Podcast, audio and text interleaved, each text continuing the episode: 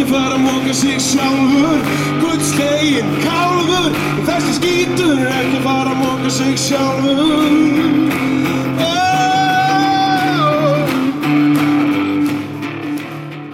Velkomin í þáttinn uh, Barab Guðmundur Hörður Guðmundsson heiti ég og sitt hérna með uh, Þór Sari, fyrirvændi þingmanni á veitingastæðnum Uppsölum og við erum bara með kaffi hérna í bollanum hjá okkur núna. Þór, hvers vegna þessi staður og, og hvers vegna kaffi? Já, kaffi er náttúrulega allra meina bót og, og þessi staður er svona staður sem við komum stundum á þegar ég var í þinginu til að fá að vera í friði. Það, það er ekki mikil trafík hérna á daginn.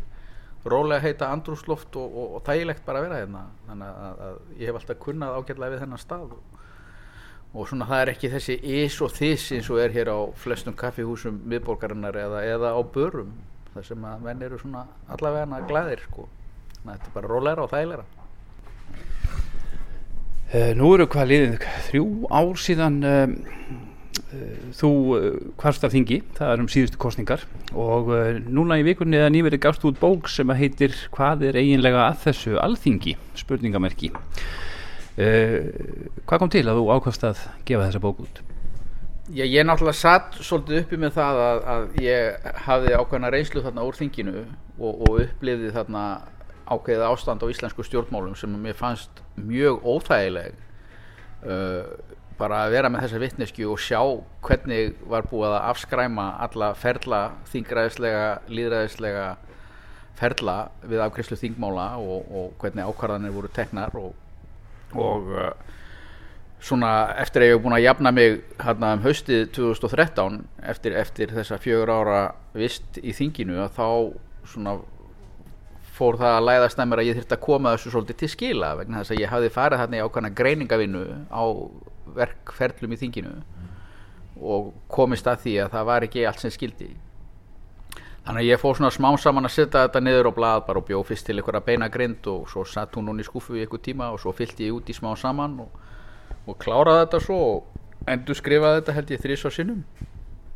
Og fór svo að stað og lappaði á milli útgefanda sem að sögðu allir nei það vildi enginn fá svona bók þó að hún væri í rauninni einstök í íslenskri bókótgóð því að það hefur aldrei verið skrifið svona bók fyrir um alþingi þannig að ég svona satt og sög á mig þummalfingurinn í einhverja mánuði þannig til ég var kvartu til að fara af stað aftur og, og það endaði með því að ég einfallega settist upp á hann stengrim í skruddu út í Örfirsei og, og neitaði hálfpartin að fara fyrir hann gæfi mér eitthvað svar sem að mér líkaði og, og hann sagði bara já við sláum til við prófum þetta og hérna, gerum þetta bara páskabókinni næsta ár sann. þetta var eitthvað tíman síðla haust í fyrra haust og, og síðan hefur hann náttúrulega bara staðið sína plikt í þessu og við unnið þetta í sammenningu og, og ég kalla hann núna bara framvörð íslenskar bókaótgófu það er bara þannig, það var hann sem að þorði og steg skrifið þegar aðri sögðu nei. Gott mál, uh, þú segir að hér uh, að þú hafið farið að vinna í þessari bók þegar þú varst búin að jafna þig á þessum fjórum árum sem þú varst á þingi. Er þingmannstarfi þannig að, að maður þurfi langan tíma á eftir til þess að jafna sig Já það fennur svolítið eftir í hvað menn eru duglegir og hvað menn er að gera þarna inni og, og, og, og ég var náttúrulega þeirri stöðu við í hreyfingunni að við vorum aldrei hluti af neinu jábræðararlægi eða, eða hópefli þarna inni heldur vorum alltaf og einatt svona svolítið upp á móti öllu því sem okkur líka ekki við alveg sama hvaðan það kom. Og það kallar náttúrulega á miklu meira álag. Þa, það, það er sem sagt að, að, að, að það er alltaf erfiðar að vera á móti heldur en með og áreitið bara á þingmenn og, og starfið er alveg gríðarlega mikið. Það, það sko ég var á tímabili og, og mest öll þessi fjögur ár að svara eða fá svona 60-70 e-mail á hverjum degi og 30 símtöl eitthvað svo leiðis og það seinasta sem að gerði þegar maður fór að sofa á nóttunni var að fara í tölvuna og það fyrsta sem að gerði á mótnana var að fara í tölvuna. Þannig að maður var í þessu sko allan sólarhingin uh, í fjögur ár, sjö daga í viku í rauninni og, og ég lýsi þessu oft þannig að, sko eftir kostningarna voru 2013 þá bara fór ég heim til mín og, og svona svaf svolítið og fór svo að losa stíplun úr baðhefnisvaskinu sem var búin að vera stíplaður í tvö ár sko. þetta, var ekki, þetta var bara svo leiðis Ég man eftir því að Margrét Tryggvadóttir þingma, sam, þingmaðurinn samflokksmaður uh, skrifaði í sína í sinni bók um, um, um sína upplifun á þinginu og, og, og borgararhefingunni og hreyfingunni að þú hefur stundum bara látið þig hverfa af þinginu og, og haldið til fjalla eða og, dvalið eitthvað svona í einrúmi. Var, var það eitthvað sem þú gerði til þess að fá frið eða fá, fá kvíld Já, ég let mér nú aldrei hverfa af þinginu, ég fór aldrei í neinn svona ferðalög nema bara að þingið væri í fríi eða væri við það að fara í frí og stundum kom það nú þannig fyrir að eins og ástandi var að þingið átt að fara í frí á, á, á kannski föstudegi en svo voru bara menn með eitthvað að stæla til þess að draga það á langin og, og, og, og voru með eitthvað málaði og, ég var bara hættur að taka þátt í því bullið þannig að ég fór bara á föstudegi þó að þingið væri kannski ekki alveg búið. En þetta gerði ég já, ég fór og fann mér bara afdreip út á landi til fjalla eða í veiði kúum eða sumabústuðum og fór einn og, og, dvaldi þar bara helst í viku án, án samskipta við umheiminn meira og minna og, og það var bara mjög gott. Fólk notar ímsar aðferðir við að sko blása út þegar áreitið er svona mikið og, og, og þetta var mín aðferð að, og virkaði ágætlega. Eh, Eftir svona að hafa íhugað stöðu alþingis eh, og gefið út þessa bók. Eh, nú er stórmál í gangi sem er eh, þessi nýlega uppljóstrunum eh, eignir fjölskyldu fórsættisáþara á, á Tortóla. Hvernig finnst þér alþingi að taka á því máli? Ég sko, mér finnst náttúrulega sjálfsögðu að, að í fyrsta lagi að fórsættis ráðherran eigi að sjá sóma sinn í því að segja af sér sem fórsættis ráðherra það er bara fullkomlega eðlilegt. Uh, hann mun hins vegar ekki gera það. Og næsta skref er þá að það verði lög fram vantrustilega uh, til þess að hún verði trúverðug verður hún einfallega að koma frá pýrutum því að það er ekki trúverðugt ef að vinstri græn eða samfélking eða björt framtíð leggi fram vantraustilögu vegna þess að ef að þeir væru í sömu spórum og sjálfstæðislokkurinn er núna það er að segja í stjórnarsamstarfi við framsók þá myndu þau gera nákvæmlega það sama og sjálfstæðislokkurinn er að gera. Bakka aðeins fram yfir páska segja ekki orð en halda áfram stjórnarsamstarfinu. Það er bara alveg á hreinu að þau myndu gera það. Og, og þess vegna eru þau ekki trúverðu í, í sinni afstöðu þegar kemur að vantrausti. Hún verður þess vegna að koma frá pýrötum en, en hinnir flokkarnir eiga sjálfsögðu að vera með á henni. Því að það þarf að ræða þetta mál rækilega í þinginu. Og vantraust tillega hún gefur færi á því. Og vantraust tilugur eru alltaf í beinni útsendingu í sjónvarpi líka þannig að almenningur fær beina einsýn inn í málið og, og þess vegna er mjög nöðsilegt að það verði flutt vantraust tillega uh, þriðji hlutin að þessu máli er náttúrulega að við erum ennþá nákvæmlega sama stað og í búsáhaldabildingunni hvað þingi varðar. Það er að segja alþingi hegða sér algjörlega óásættanlega út frá líðræðislegum og þingræðislegum uh, markmiðum og það eina sem almenningu getur gert er að mæta nér á Östuvöll og kasta drasli í alþingishúsið. Og það var einmitt hugmyndin með nýju stjórnarskráni að þannig þyrfti það ekki að vera.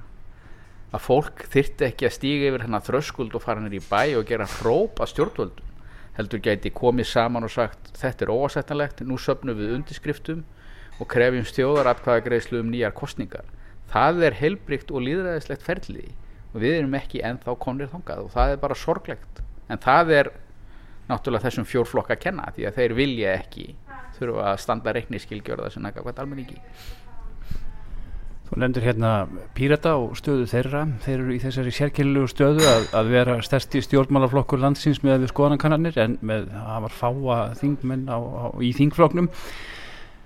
Þú hefur verið í þessari stöðu þar að segja að stopna nýja reyfingu og uh, svona undibúa hana og, og koma henni á, á legg. Uh, nú standa Pírata til dæmis fram með fyrir því að þeir þurfa að fara að skipa á lista. Hva- Ef þú ættir að gefa Píratum ráð, uh, hver væru þau? Já, það að skipa á lista er náttúrulega alltaf það vandarsamasta við svona stjórnmála upp og, og, og við leistum þetta á sínu tíma í borgararhefingunni alveg snildarlega. Við sögðum bara sem svo að fólk skipar sér bara sjálft á lista þar sem að það vill vera. Og ef að það eru fleiri en einn eða tveir eða þrýr um hvert sæti þá þarf þetta fólk að setjast niður og ná samkúmulagi um það hvert þeirra er best í þetta sæti. Og ef það næri ekki samkúmulagi þá verður bara dreigð um það með spilum. Og sko okkur fannst þetta alveg geggjuð hugmynd þegar, þegar hérna, við ákveðum að hrindin í framkvæmd. En sko niðurstaðan úr því að það þurfti aldrei að draga um spil. Það náði samkúmulag um öll þingsæti í öllum kjördæmum uh, í borgarhreifingunni og, og, og þetta, sko, ég, þetta er alveg stórkostlega aðferð og ég lagði þetta nú til þegar við stopnum svo dögun síðar meir en, en, en fólk sko var bara hrætt við þetta og það voru náttúrulega hérna inni einstaklingar sem að vildu vera sjálfur efst á lista eða ofalega þannig að þetta fór í svona það hefbundna uh, pegs sem þetta þessu hætti til að gera. Píratar þurfa náttúrulega að finna ykkur að góða aðferð til þess að rafa á lista. Ég fylgist nú ekki með þeim fyrir síðustu kostningar og veit ekki hvernig þeir gerðu það. En það sem þeim vantar er að þeim vantar þeim vantar þungafikta fólk sem að hefur bæði siðferðilega og vitsmunalega burði til þess að vera þingmenn til þess að vera góðir þingmenn. Og hvernig þeir fara að því að finna það fólk og komið því á lista veit ég ekki, það er ekki öfundsverð starf. Þau hafa hann að töluverta fólki sem að, sem að er mjög öflugt. En sko ég held að þau séu kannski ekki fleiri en tíu allavega ekki svona með það sem ég hef séð þannig að þeir þurfa bara ein, einfallega að fara að leggja stundu feld og velta því alvarlega fyrir sér sko, hverjum viljum við tefla fram fyrir hönd pírata, á alþingi? Ef skekk kynni að þetta fylgi haldist og, og, og þeir komast í ráðandi stöðu. Uh, miða við það sem ég hef séð til þeirra hinga til fyrir utan kannski þingmennina og, og þá miða ég við það sem ég sé til dæmis á pírataspjallinu því að ég hef ekki sótt fundi hjá þeim að þá eru þeir ekki undirbúinir undir það að, að vera meiri hluta flokkur í ríkistjórn í heilt kjörtímabil, það er útilokamál Hvernig sér þá stjórnmála ástandi þróast á, á næsta ári og, og fram að og yfir kostningar? Já, ég hef verið þeirra skoðunar að, að, að það sé mjög nöðsynlegt og í rauninni algjört grundvallaratriði ef að það á að vera hér áfram einhvers konar farsælt líðræði samfélagi á Íslandi að nýja stjórnarskráin sem að búið er að greiða þjóðaratkvæðum taki gildi. Og því fyrr sem hún gerir það því betra. Og þess vegna þessi hugmynd sem hefur verið velt upp hjá pýrutum að, að, að ef að þeir komast í ráðandi stöðu þá verði bara næsta þing mjög stutt á meðan að nýja stjórnarskráin er afgreiti gegnum þingið og það er hægt að gera sennilega á svona tveimur mánuðum til þreimur mánuðum. Það er búið að snýða af henni alla þá agnúa sem að fundið var að á sínum tíma. Þingið lág í þeirri vinnu í fleiri mánuði og hún er tilbúin það þarf að afgreða stjórnarskrána og kjósa upp á nýtt. Og síðan þarf að afgreða stjórnarskrána aftur og kjósa upp á nýtt. Vegna þess að nýja stjórnarskráðum býður upp á róttæka uppstokkun og ger breytingu á öllum líðræðisferlum og það er ekkit vit að setja í heilt kjörtímabil kosin út á gamla kostningakerfið þegar þeir nýja býður. Þa, það er bara óréttlátt að, að, að láta líðræðið líða fyrir það að kjörtímabil eigi að taka ykkur fjögur ár. Það er engin töfra regla sko. En heldur þú að almenningur sé áhuga samur um þessa hugmynd? Vil fólk ekki bara fá kostningar og, og þurfa svo ekki að hugsa um það næstu fjögur árin? Heldur að það sé almenn stemning fyrir þessu í samfélaginu að fara núna í já, tvenna kostningar með skömmu millibili?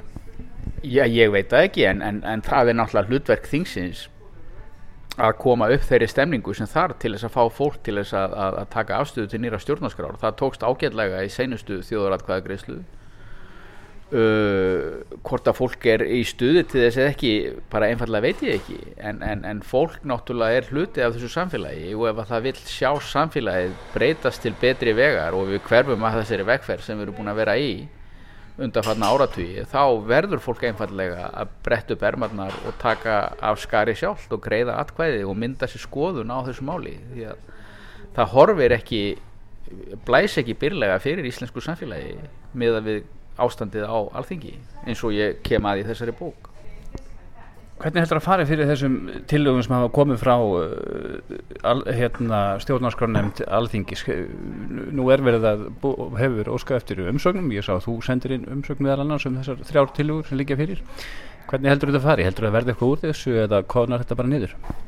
Ég reikna nú ekki með að verði neitt úr þessu og, og, og vona svo sannlega ekki vegna þess að, að, að ég fann þessum tillögum uh, flest allt til fóróttu þær eru settar fram fyrst og fremst í blekkingaskinni af hálfu meiri hlutans og fórsættisra á þeirra til þess að reyna afvega leiða stjórnarskrárferlið sem að er ennþá í gangi þó að alþingi skýrist við að, að klára það að þá er það ennþá í gangi. Og, og ég nefni það til dæmis í bókinni að það hefur aldrei gerst í sögu líðræðis ríkis að niðurstöðum þjóðaratkvæðagreyslu sé hafnað eins og gert var hér vorið 2013 nei, haustið 2012 og voruð 2013 og, og ég lít þess vegna á að, að stjórnarskarferðli sé einfallega ennþá í gangi og, og alla tilraunir af hálfu fórsætsar á þeirra og, og, sjálfstæðisflokksins til þess að brengla það að stöðva séu af hinnu ílla líðræðis ákvæðið hérna var bara hlægilega hallarisleg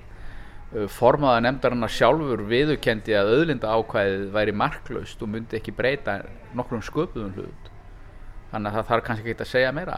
Píratar hafa hafnað þessu, samfélkingin hefur hafnað þessu. Vinstri græn eru svona í byðstuðu og, og, og Katrín Jakobsdóttir fer náttúrulega ofurvarlega eins og hún gerir alltaf. Þannig að ég reikna nú ekki með að þetta fái frangang Þú talar í bókinni eða fjalla mikið um talsvært um vanhæfni íslensku stjórnsýslunar og þú segir sem vegna áratuga flokksvæðingar hafi, hafi, hafi búið til kerfi sem miðast að stóru hluta við það að viðhalda sjálfu sér.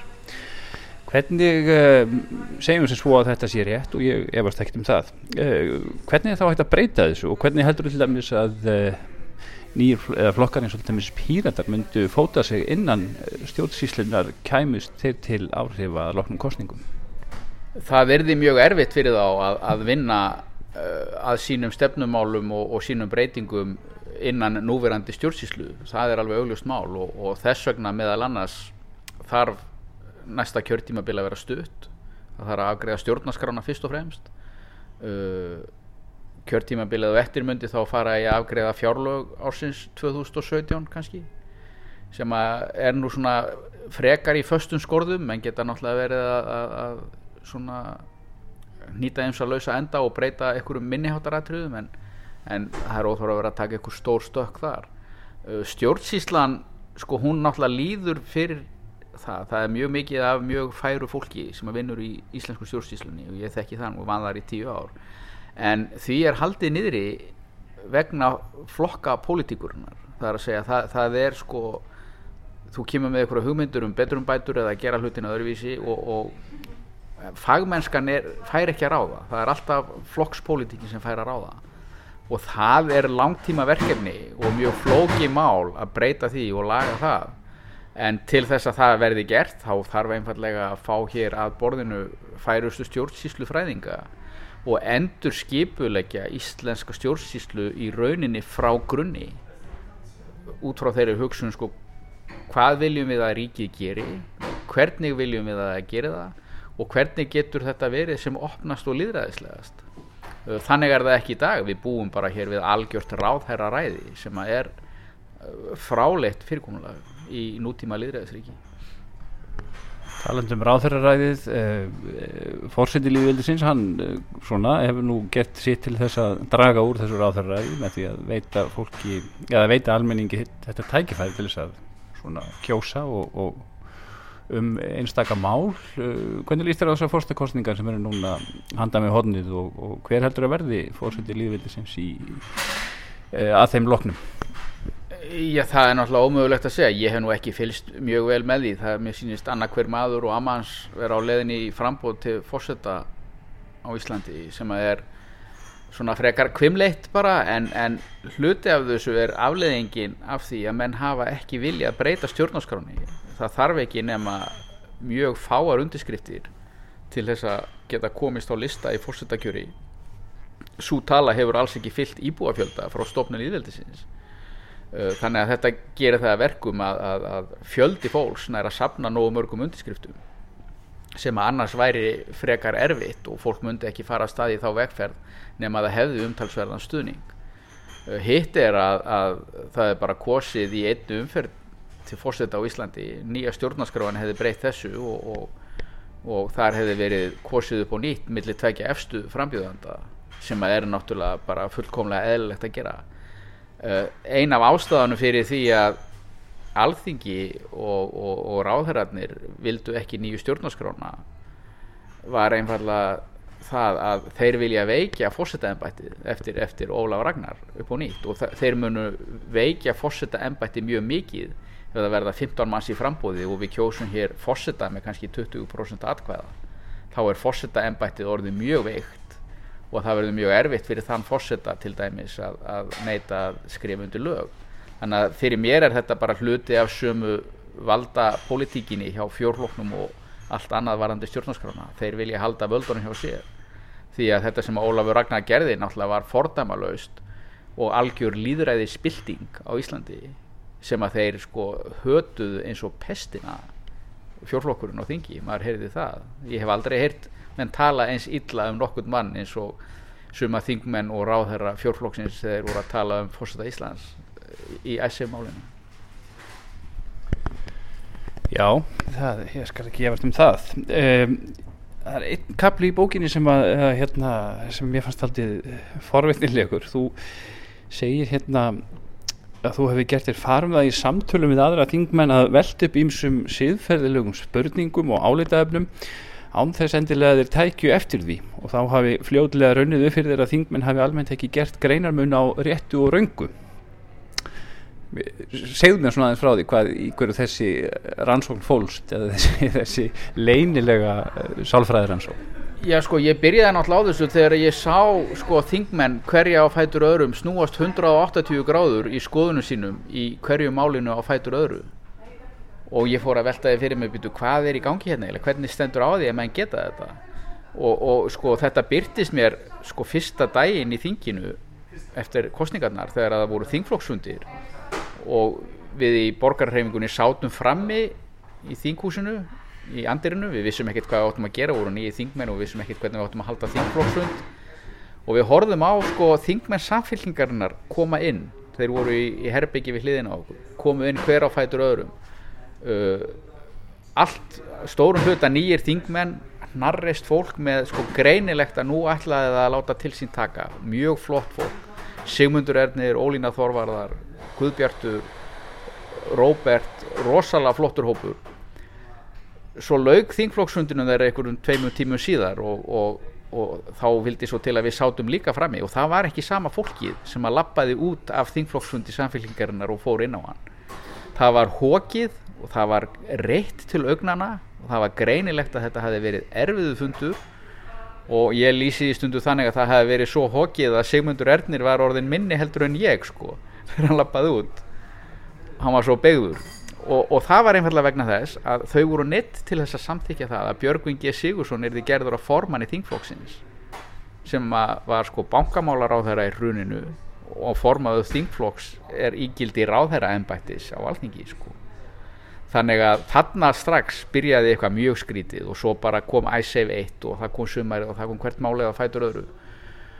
Og ég fór einfallega að ræða við þingmenn og spyrja þá hvernig óskubónum getur skipt um skoðun á þessu máli í svona? Og þeir bara fóru út í alls konar þvættingum, einhverja breytar aðstæður og keftaði þannig að ég fór að undibúa svona samtöl bara um siðferðilega álitamál alls konar, allt mögulegt og viðhorf þeirra var nánast alltaf og ég talaði við fullta þingmönum á þessum nótum að, að sko rétt og rámt viktaði aldrei neitt í samtalinu heldur hvað gengur og hvað gengur ekki. Það var viðmið, það getur vel verið að þeir gerir greinamun og réttu og raungu heima hjá sér sko, og vonandi gera þeir það og ég reikna nú með því. En í pólitíkinni gera þeir það ekki.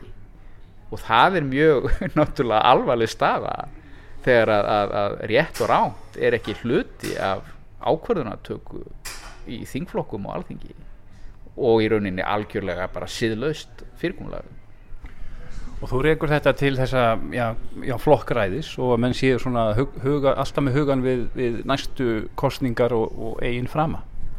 Já, og það er hinn megin ástæðan fyrir því að, að, að, að sko ég svara þessari spurningu sko, hvers vegna alltingi virkar ekki? Og, og, og hún er svo að þingmenn nálgast að því er virðist og, og sannarlega nánast öll þingmál út frá því í fyrsta lagi hvað þýðir þetta mál fyrir minn pólitíska frama.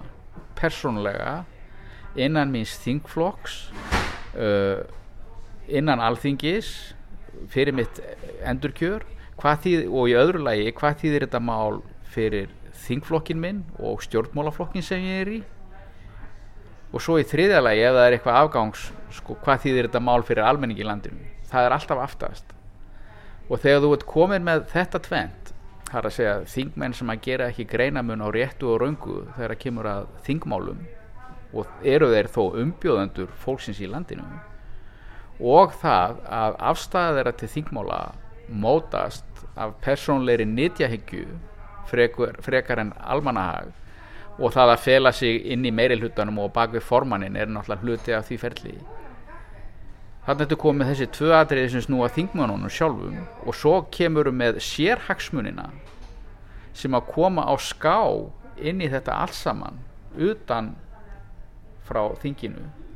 Það er að segja viðskiptar á samtök atvinnulífsins, samtök veslunar og þjónustu uh, alls konar hagsmunarsamtök sérhagsmuni sem að reyna að hafa áhrif á þingmál. Þá ættu bara að koma með kerfi það sem að er útilokað að stýra landi farsalega það er bara ekki hægt.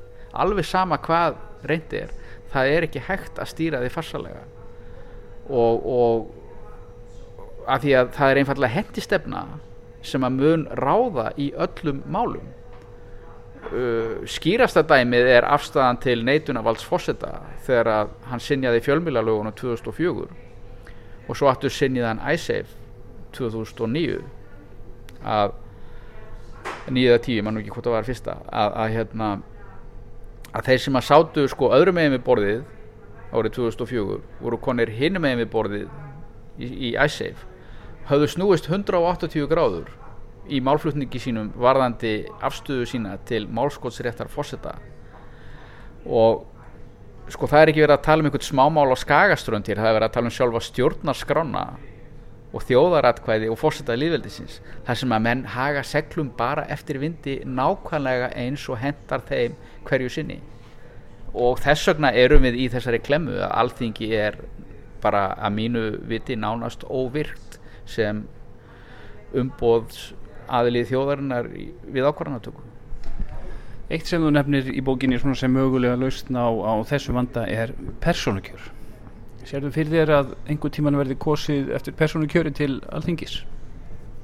Já, almenningur er búin að krefjast þessi þjóðaratkvæðagreyslu samkvæmt nýju stjórnarskráni að það verði kosið samkvæmt persónukjöri og það er í rauninni ein af þessum leiðum, nokkurum, sem við höfum til þess að breyta þessu fyrirkomulagi. Það er að segja komi í veg fyrir þetta algera flokksræði þar sem að ákveðnir flokkseigendur innan stjórnmálaflokkana hafa bara áskrift af þingsæti og eru alltaf í efstu sætunum.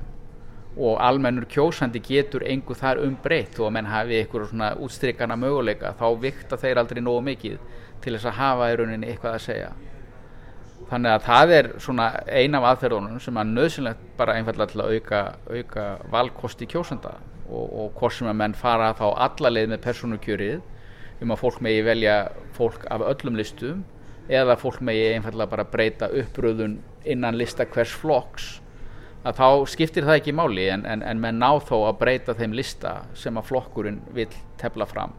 Og það er stór sigur fyrir líðræðið og, og fyrir almenningi í landinu í því að veita yfir, ég kalla þetta pólitíska yfirstjétt veita henni aðhald. Því að eins og ég nefni líka í bókinni að þá er þetta svona hálgerð bara nomenklatúra eins og var í austur Þískalandi á sínu tíma? Það er að segja að það er einn fjórflokkur og svo eru einhverjir aðri sem að fá að dingla með.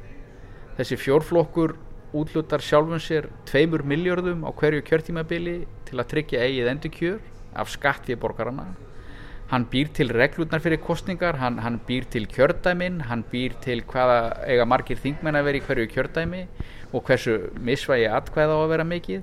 Hann skipar eigið fólk í kjörstjórnir í kjördæmunum, hann skipar eigið fólk í landskjörstjórn. Þetta er algjörlega saman súrrað valda batteri og pólitísk yfirstjætt sem að einfallega er búin að eiðilegja þingræðið á Íslandi Eitt sem ég er mitt augun í hérna, þú nefnir að eh, þú vilt eh, hérna banna það að fyrirtæki veiti stjórnmálaflokkum styrki. En svo nefnir líka að, að ríkis sé að, kannski að eh, verja ofmiklu fyrir til stjórnmálaflokkana.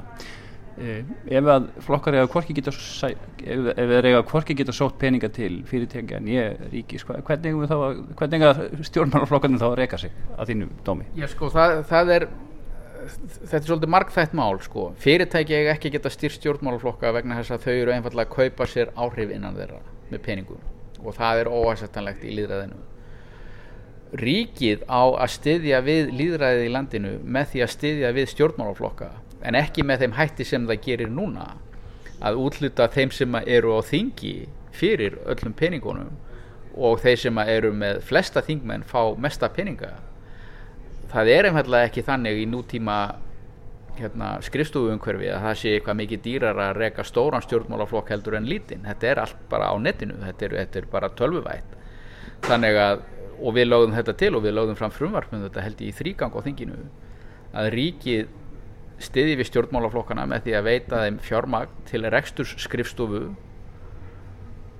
eins og háls eða tveggja stöðugilda sem að þarf til þess að reka skrifstofuna og búið og það fá allir sem eru á þingi jaft því að það er mjög ósangjant að einhver eitt flokkur fái miklu meiri peninga því hann er með eitthvað fleiri þingmenn. Þetta er bara hluti að valda sko, að mönnum vilja halda völdum. Svo flækist þetta svolítið þegar kemur að því að styðja grassrótina sem er ekki með þingmenn. Fyrir kumulæði í dag er að þú færð yfir ykkur 2,5% þá færðu framlag frá ríkinu sem er að mörguleiti ágætt. Þú getur stopnað þingflokk í dag eða stopnað stjórnmálaflokk og fengið endugreitt gegn framvísinu reikninga að loknum kostningum Uh, það þarf að endur sko að það svo lítið vegna þess að menn hafa reykið sér á það með til dæmis flokk heimilana að, að þeir hýrða bara peningin sjálfur og fara til útlanda. Uh, dögun aftur á móti sem fær líka framlög þeir eru að halda mjög mikilvæga og, og merka fundi og þeir eru að halda upp í stjórnmálastarfi þó þeir séu ekki á þingi þeir hafa að vísu breytt intaki og eðli dögunar frá því það var fyrir kostningar og það er alltaf svolítið reyft að eiga við það að, að þeir eru að fá framlög núna fyrir eitthvað stefnusgrá sem er ekki lengur í gildi. En, en megin málið er að, að stjórnmálaflokkar þeir þurfa að fá peninga til að geta starfað og þeir peningar þurfa að koma frá einstaklingum og frá hinnu opumbera og það þarf að vera algjörlega gagsætt hvaðan þeir fjármunir eru að koma Akkurat, uh, kannski einn bara þá spurningar lokum Þór uh, Þú hættir á þingi fyrir þreymur árum síðan öðlaðist góða reynslu að þessum fjórum árum fórst í gegnum erfið mál. Uh, þú ert greinilega svona glöggur greinandi og, og hefur margt til að bera til þess að vera á þingi. Þú ætlar ekki að sækjast eftir þingmennsku í næstu kostningum Nei, ég hef engin áform um það og, og, og ég hef í rauninni engan áhuga á því að, að vera á þingi við óbreyttar aðstöðu ef að það lítur þannig út í aðdraganda kostninga að það sé útlitt fyrir að það verði stór breyting á bara fylgi flokka inn á þingi þá vissulega er það mjög áhugavert og ég myndi kannski íhuga málið ef að maður geti verið þáttakandi í einhverjum slíkum breytingum. En eins og fyrirkomulegið er í dag þá er það einfallega tímasóun að halda þessu áfram því að þetta gerir ekkert nema að hjakka í sama farinu áfram og, og og, en vonandi ná menn að, að ná menn áttum og ná almenni kjósendur áttum á því að þetta getur ekki haldið svona áfram lengur. Þetta er bara ónýtt. Þór, uh, aftur til, uh, til hamingi með bókina. Hvað er eiginlega að þessu alþingi? Uh, ég þakkaði bara fyrir spjallið. Hann er á gulli þessi kálfur En þessi skítur er ekki að fara að móka sig sjálfur. Gullslegin kálfur En þessi skítur er ekki að fara að móka sig sjálfur!